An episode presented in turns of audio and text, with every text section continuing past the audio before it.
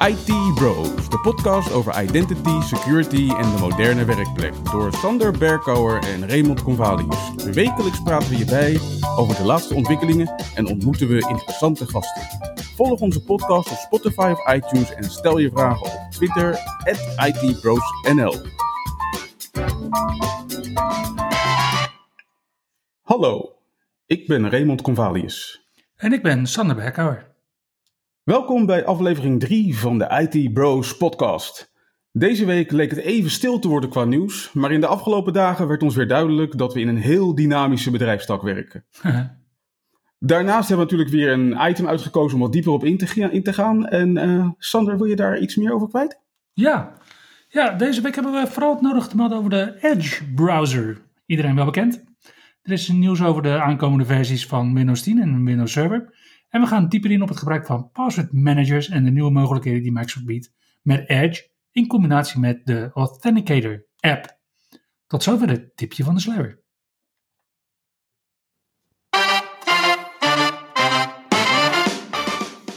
Want we beginnen zoals vanouds met het nieuws. Ray, trap je af? Uh, ja, zeker. Nou ja, het begint uh, zoals je al zei met uh, Edge. En waarschijnlijk eindigen we ook met Edge. en ja, ik begin met het einde van Edge, dat is wel een goede. Want Microsoft heeft aangekondigd dat ze stoppen met de browser die ze introduceerden met de komst van Windows 10 in 2015. De toenmalige browser die Edge heette en waarvan de codenaam Spartan was. En die heet tegenwoordig Edge Legacy. Die uh, stopt uh, Microsoft uh, met te, te, ondersteunen. Per, per 9 maart is het gewoon een einde verhaal voor deze browser. Nou, dat is al snel, ja. Ja, nog heel kort.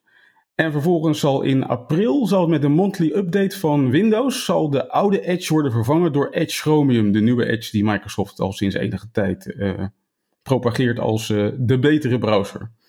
dit gaat gebeuren op alle versies van Windows 10 vanaf versie 18.03. Dus eigenlijk alle ondersteunde versies van Windows 10. Ja. Nou, dus als jij Windows Update draait, is eh, de oude Edge weg en krijg je er de nieuwe Edge voor in de plaats. Goed geregeld. Ja, ik speelde deze week met de preview-versie van Windows Server 2022. Ja, de naam is nu ook al bekend van de opvolger van Windows Server 2019. En onder water heet hij trouwens 21H2. Dus dan heb je vast een beetje een idee wanneer deze Long-Term Servicing Channel versie, deze LTSC versie beschikbaar komt. En ik speelde met versie 10.0.20.292, die zag op 10 februari het licht. En uh, die heeft ook de nieuwe Microsoft Edge aan boord. Het is eigenlijk de eerste Windows Server versie die de nieuwe Chromium Edge aan boord heeft. En ik zie zat scenario's waar een browser op een server het verschil maakt. Je kan dan denken aan remote desktop hosts en beheerservers. Oké, maar wanneer je aanhoudt in zo'n nette Azure AD pop-up om multifactor authentication te doen, nou, dat is onder water dus gewoon nog zelfs Internet Explorer. En ik begon al een beetje af te vragen wanneer Microsoft hier dit aan ging doen. Ja, want Internet Explorer, uh, volgens mij wordt het officieel nog steeds gesupport, maar uh, zou eigenlijk wel einde verhaal moeten zijn, zo langzamerhand. Ja, misschien moeten ze het gewoon noemen naar uh, Edge Legacy L2 of zo. Zoiets. Oké. Nou ja, goed. Uh, op het gebied van Windows uh, heeft Microsoft nog meer nieuws. Want van Windows 10 hebben ze van de week de details gemaakt, bekendgemaakt over de eerstvolgende releaseversie. Dat is Windows 10 21H1. En die is ook meteen beschikbaar gekomen voor de, voor de Windows Insiders als previewversie. En versie 21H1 van Windows 10 is nog steeds gebaseerd op de kernel van de 2004 versie die vorig jaar is uitgekomen. Dus geen hmm. nieuwe hardware eisen en een aantal uh, wat je noemt evolutionaire verbeteringen, zoals een aantal nieuwe icons, verbeterde DNS settings, uh, disk management uh, in, de instellingen, in het instellingenpaneel en native mogelijkheden om je scherm refresh rate aan te passen. En toevallig kwam ik vandaag ook nog achter een andere nieuwe feature die toch best wel welkom is. Ja, omdat jij namelijk... natuurlijk een Logitech Brio hebt. Laat me, laat me raden. In, inderdaad. En niet ik heb alleen een Logitech Brio. Mijn vrouw heeft een Logitech Brio. En die heeft ze gehangen aan haar laptop waar Face ID op zit. En nu heeft uh, Windows 10 de onhebbelijke uh, feature momenteel dat je niet kan kiezen welke camera je gebruikt voor je Face ID. Mhm. En vanaf versie 21H1 kan dat dus wel. Ehm, nou ja, het feit dat er nu in, eh, in de periode april-maart, dus voor eh, eh, H1 van het nieuwe jaar, een minor release uitkomt voor Windows 10 is op zich wel weer interessant. Want normaal, normaal gesproken, het plan van Microsoft was ooit om in de eerste helft van het jaar een nieuwe major release uit te brengen. Zodat ze die stabiel konden maken voor de tweede helft van het jaar. En dan kwam in de tweede helft van het jaar kwam er een minor release uit, die dan vervolgens voor 30 maanden werd ondersteund voor enterprise en education omgevingen. Ja, zeg maar de, de TikTok aanpak. Precies. En, en voor dit jaar is het de verwachting in ieder geval dat er in de tweede helft van het jaar een nieuwe major uit gaat komen. Dus ik ben benieuwd of ze die dan voor 30 maanden gaan supporten. Hmm, dat is wel een interessant vraagstuk inderdaad. Maar goed, ehm, voor de rest eh, ja, was er ook nog wat nieuws over Edge. Edge, ehm, de, de laatste eh, beta-versie van Edge, heeft een, eh, een kindermodus. Met de mogelijkheid voor papa's en mama's om een blacklist van websites aan te leggen voor kinderen. En die dus kindvriendelijke sites toont. En schadelijke content weghoudt bij de kinderen. Een beetje tegenovergestelde van wat in private mode doet in, in Edge. Die juist weer door heel veel volwassenen wordt gebruikt. yep. Goed, eh blijvend bij de software releases. De monthly updates van februari die bevatten een, eh, een nogal eh, ugly bug. En ik heb inmiddels gelezen dat die zelfs wat meerdere ugly bugs eh, bevatten.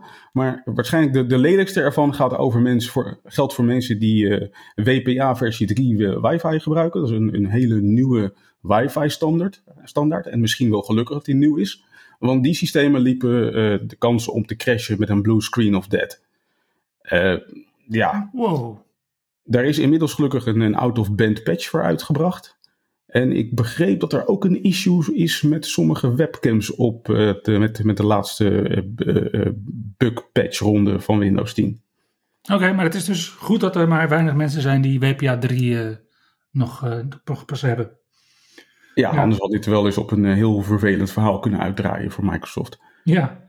Ja, ik eh, hoop ook dat er nog maar weinig mensen zijn die eh, gebruik maken van eh, WAP voor hun wifi. Het zogenaamde WAP. Ja, als je dat nog gebruikt, dan mogen we je dan een wappie noemen? Really, really old stuff, ja. Als je graag gehackt wil worden, dan moet je inderdaad aan de slag met WAP. Nou, ander goed nieuws kwam uit de hoek van Azure AD afgelopen week. Binnenkort is het mogelijk om een policy aan te maken voor guest accounts om aan te geven hoe lang zo'n account toegang krijgt tot je tenant. Dus stel dat je die toegang instelt op 10 dagen en iemand nodigt een eh, collega uit een ander bedrijf voor toegang tot zijn OneDrive, dan is die toegang geldig volgens de policy voor 10 dagen. En na die 10 dagen komt de toegang te vervallen en moet er opnieuw toegang worden verleend.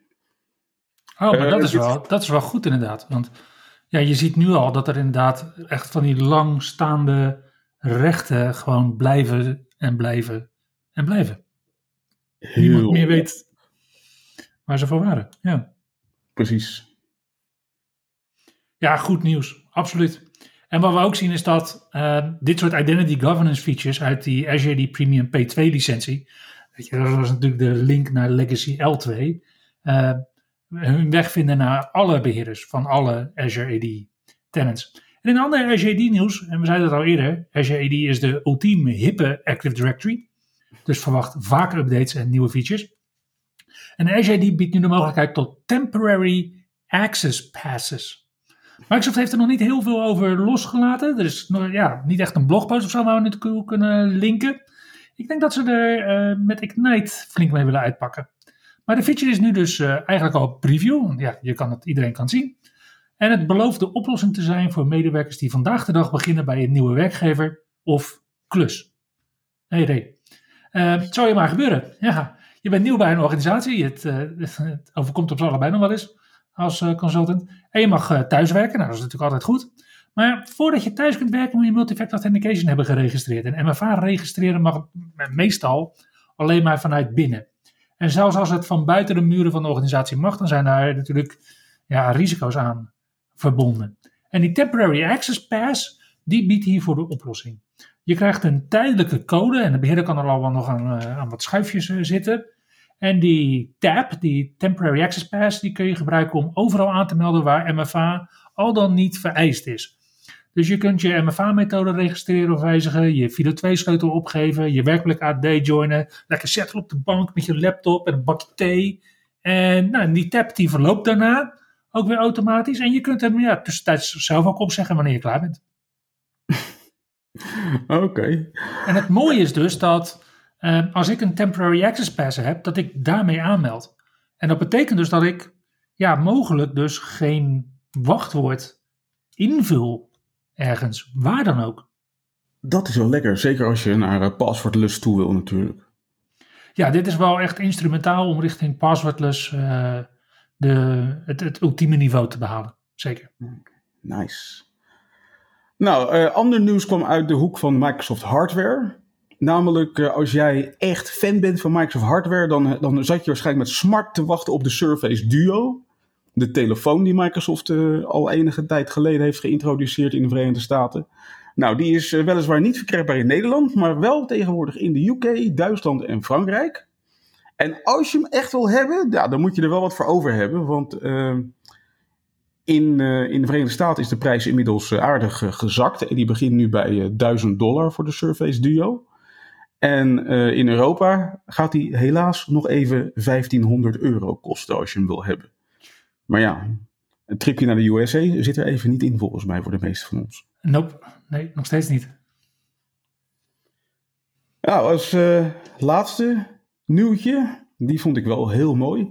Namelijk uh, de Remote Desktop Connection Manager. Dat is uh, die tool waarmee je uh, heel makkelijk zeg maar, meerdere Remote Desktop Connections kan opzetten. Die ja, daar ge geweldige tool. Absoluut. Ergens begin 2020 werd daar plots de stekker uitgetrokken door Microsoft. Want er waren diverse security issues ingevonden. En de tool werd door velen ontzettend gemist.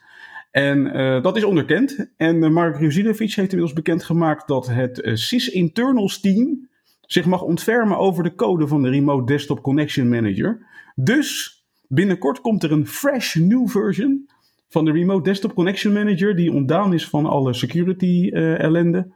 En waarschijnlijk wordt voorzien van een heleboel leuke nieuwe features. Yes.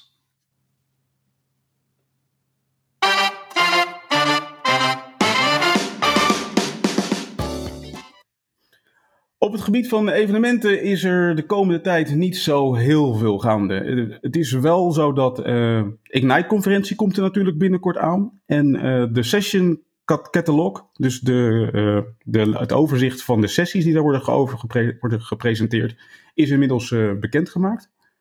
En de Workplace Ninjas, die hebben op dinsdag 23 februari een sessie, een Ask Me Anything sessie met Ronnie de Jong en Frans Oudendorp. En het onderwerp van uh, die sessie is Identity, Governance en Passwordless.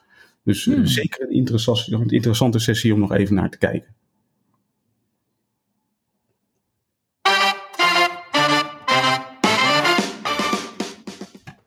Tijd voor iets heel anders, Ray.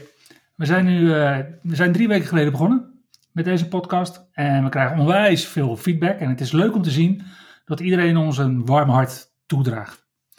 En een van de stukken feedback, die, uh, die ik wel heel erg interessant vind, betreft een vraag uit het veld. En het is een vraag vanuit uh, Guus. Guus gaat bijna met pensioen. Maar Guus is heel benieuwd wat wij vinden van de Edge Password Manager. Ray? Uh, ja, ik vond het een hele goede vraag. Uh, Tweakers heeft afgelopen week een achtergrondartikel gewijd aan password managers. -hmm. En uh, met name password managers met waarschuwingen, zoals de titel heet van het artikel. En het gaat er dus over dat uh, uh, ja, password managers tegenwoordig ook gewoon voor je in de gaten houden of je wachtwoorden zijn gelekt. Daarnaast was er nieuws over LastPass. Die heeft besloten dat de gratis LastPass versie wat minder features gaat krijgen. En um, ja, met dat in het achterhoofd is het natuurlijk best wel interessant om te zien dat Microsoft juist nieuwe features aan het introduceren is als het gaat om passwordmanagers.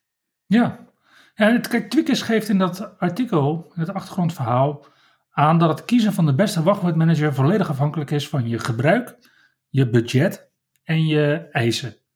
Nou, als ik dan kijk naar wachtwoordmanagers, dan zijn er vier aspecten waarop ik wachtwoordmanagers beoordeel. Gebruiksgemak, ecosysteem, uiteraard beveiliging en die detectie, waar we het dan over hebben.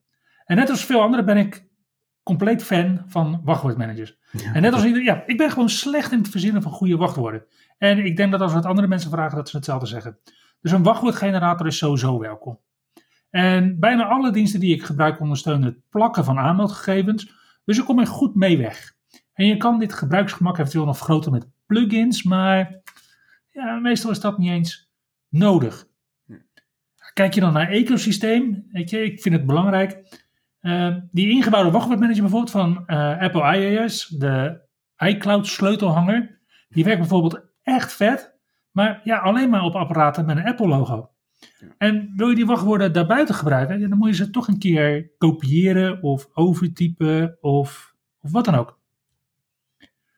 Dus ja, dat, dat, dat is toch wel een, een drempel. En dat is dus ook de drempel die LastPass nu uh, opwerpt. En qua beveiliging weten we hopelijk allemaal dat het relatief kinderspel is om opgeslagen wachtwoorden uit browsers te plukken. Het, het, maakt niet zo heel veel uit welke browser het is. En ik raad ook niemand aan om zo te werken voor alle wachtwoorden. En Tweakers geeft een aantal uh, mooie scenario's. Bijvoorbeeld slagerij het gespeende varken. Uh, waar je je wachtwoord wel gewoon in de browser bijvoorbeeld kunt opslaan. Maar uh, ja, weet je, de meeste wachtwoorden is het ook prima voor. Ja. Ehm, en ja, weet je, dan laten we elkaar niet in het ootje nemen. Ook diensten als LastPass zijn in het verleden niet 100% betrouwbaar gebleken qua beveiliging. Ja, die dus, hebben ook hun issues gehad inderdaad. Ja, dus weet je, het is een beetje een, een, een raar ding uh, en misschien meer reputatie dan inderdaad echt dat je kijkt naar hoe het inderdaad onder de motorkap werkt. En kijk dan bijvoorbeeld naar die Edge Password Manager. Dus specifiek de vraag van Guus. Sorry Guus.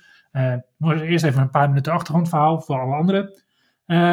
dan zie ik vooral in combinatie met die Authenticator app. Zie ik de afgelopen week iets wonderbaarlijks gebeuren. Dus naast een OTP-token Naast een wachtwoordless authenticatiemiddel en het uiteinde van de Microsoft pushmeldingsinfrastructuur is de Authenticator app nu ook een wachtwoordsynchronisatieoplossing. Die niet alleen veilig is, je kan je Authenticator app gewoon ook backuppen en dat soort dingen. Uh, die op al je apparaten werkt. Er is een Authenticator app voor, voor alles. En ja, ik gebruik ook Edge als een standaard browser op mijn iPhone uh, en Windows apparaten. Dus ja, weet je, dat is helemaal makkelijk praten.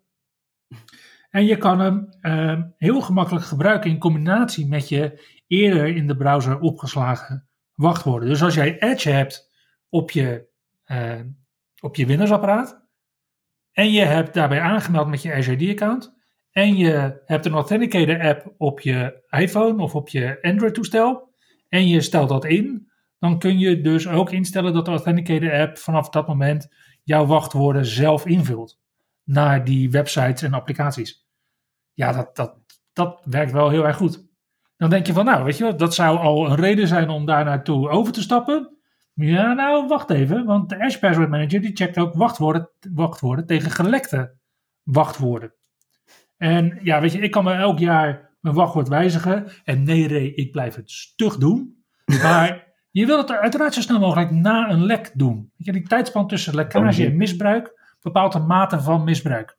Dat is ook wat de loodgieters deze week zeggen, nu de sneeuw uh, uh, dooit. Uh, als je, hoe langer je wacht, zeg maar, met het wegscheppen van de sneeuw en met het uh, niet oplossen van je lekkages, hoe groter de schade. Dus weet je, dat is hetzelfde principe. Um, en dat, daar helpt die Edge Password Manager mee.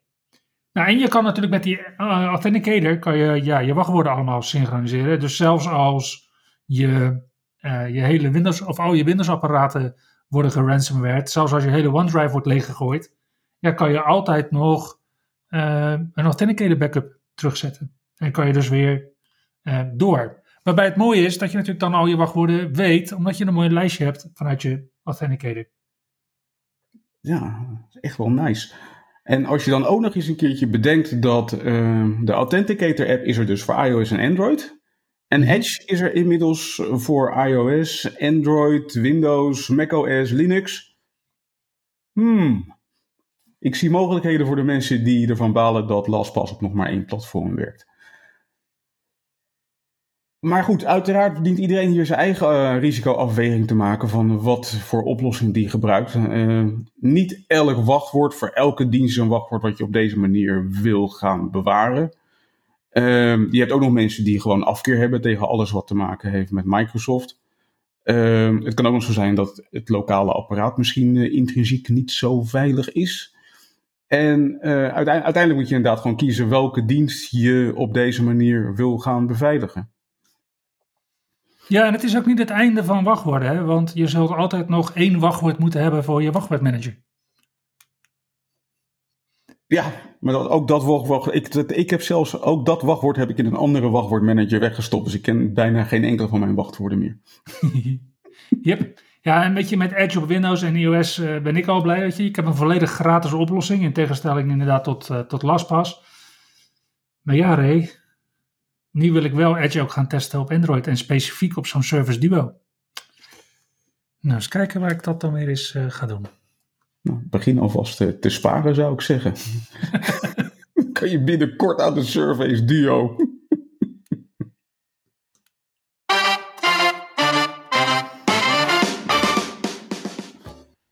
Daarmee zijn we aangekomen bij het laatste item van deze podcast, de productivity tip van de week. En deze staat uh, in het teken van de Edge browser. Deze keer uh, gaat het over de toetsenbordridders onder ons. Namelijk als je met de Edge browser werkt, ligt het nogal voor de hand dat wanneer je op zoek gaat naar de addressbar, dat je je muis pakt en dat je klikt in de addressbar. Blijkt helemaal niet te hoeven. Er zijn gewoon drie keyboard shortcuts waarmee je in één keer van de inhoud van je uh, webpagina in de addressbar terechtkomt. En dat zijn wel drie, de volgende drie toetscombinaties: Ctrl-L, Alt-D of de F4-toets. En dan heb je gewoon in één keer de addressbar te pakken, de adresbalk of whatever you name it. En dan kan je beginnen met de volgende URL in te toetsen. Dus dan kan je zonder dat je je toetsenbord verlaat naar de adresbar en doorgaan. En mocht je nou een echte toetsenbordridder zijn, dan is er ook nog de toets F6. Namelijk als je naar een ander tabblad wil, of je wil uh, iets gaan doen met uh, een download die je net hebt gedaan, dan kan je met F6 kan je zeg maar springen van je venster naar de adresbalk, naar het tabblad om eventueel een ander tabblad te kiezen met je toetsenbord, of naar de downloadbar om te bepalen waar bijvoorbeeld je download moet worden opgeslagen. Dus behalve die drie toetscombinaties Ctrl-L, Alt, Ctrl-L, Alt-D en F4 voor de adresbalk, heb je dus ook nog de F6-toets. En dan kan je zo ongeveer alles wat je normaal gesproken doet met je muis, gewoon doen met je toetsenbord. Ah, super. Ik vind die productivity tips van jou echt geweldig. Mijn muis kan dadelijk ook met pensioen. Dat wou ik nog niet zeggen, maar ja, ik kom wel eens een keer in een situatie terecht dat mijn muis het niet meer doet. En dan is het wel zo prettig dat je de toetsenbordcombinaties weet om uh, verder te gaan. Mm-hmm. Goed, daarmee zijn we aan het einde gekomen van deze podcast. Uh, dank jullie wel voor het luisteren. En volgende week zijn we uiteraard weer terug met de IT Bros podcast. Doei doei! Je luisterde naar IT Bros, de wekelijkse podcast over identity, security en de moderne werkplek. Abonneer je op Spotify, iTunes of Google Podcast als je de volgende aflevering niet wilt missen. Heb je hints of tips? Laat dan van je horen op Twitter. @itbrosnl.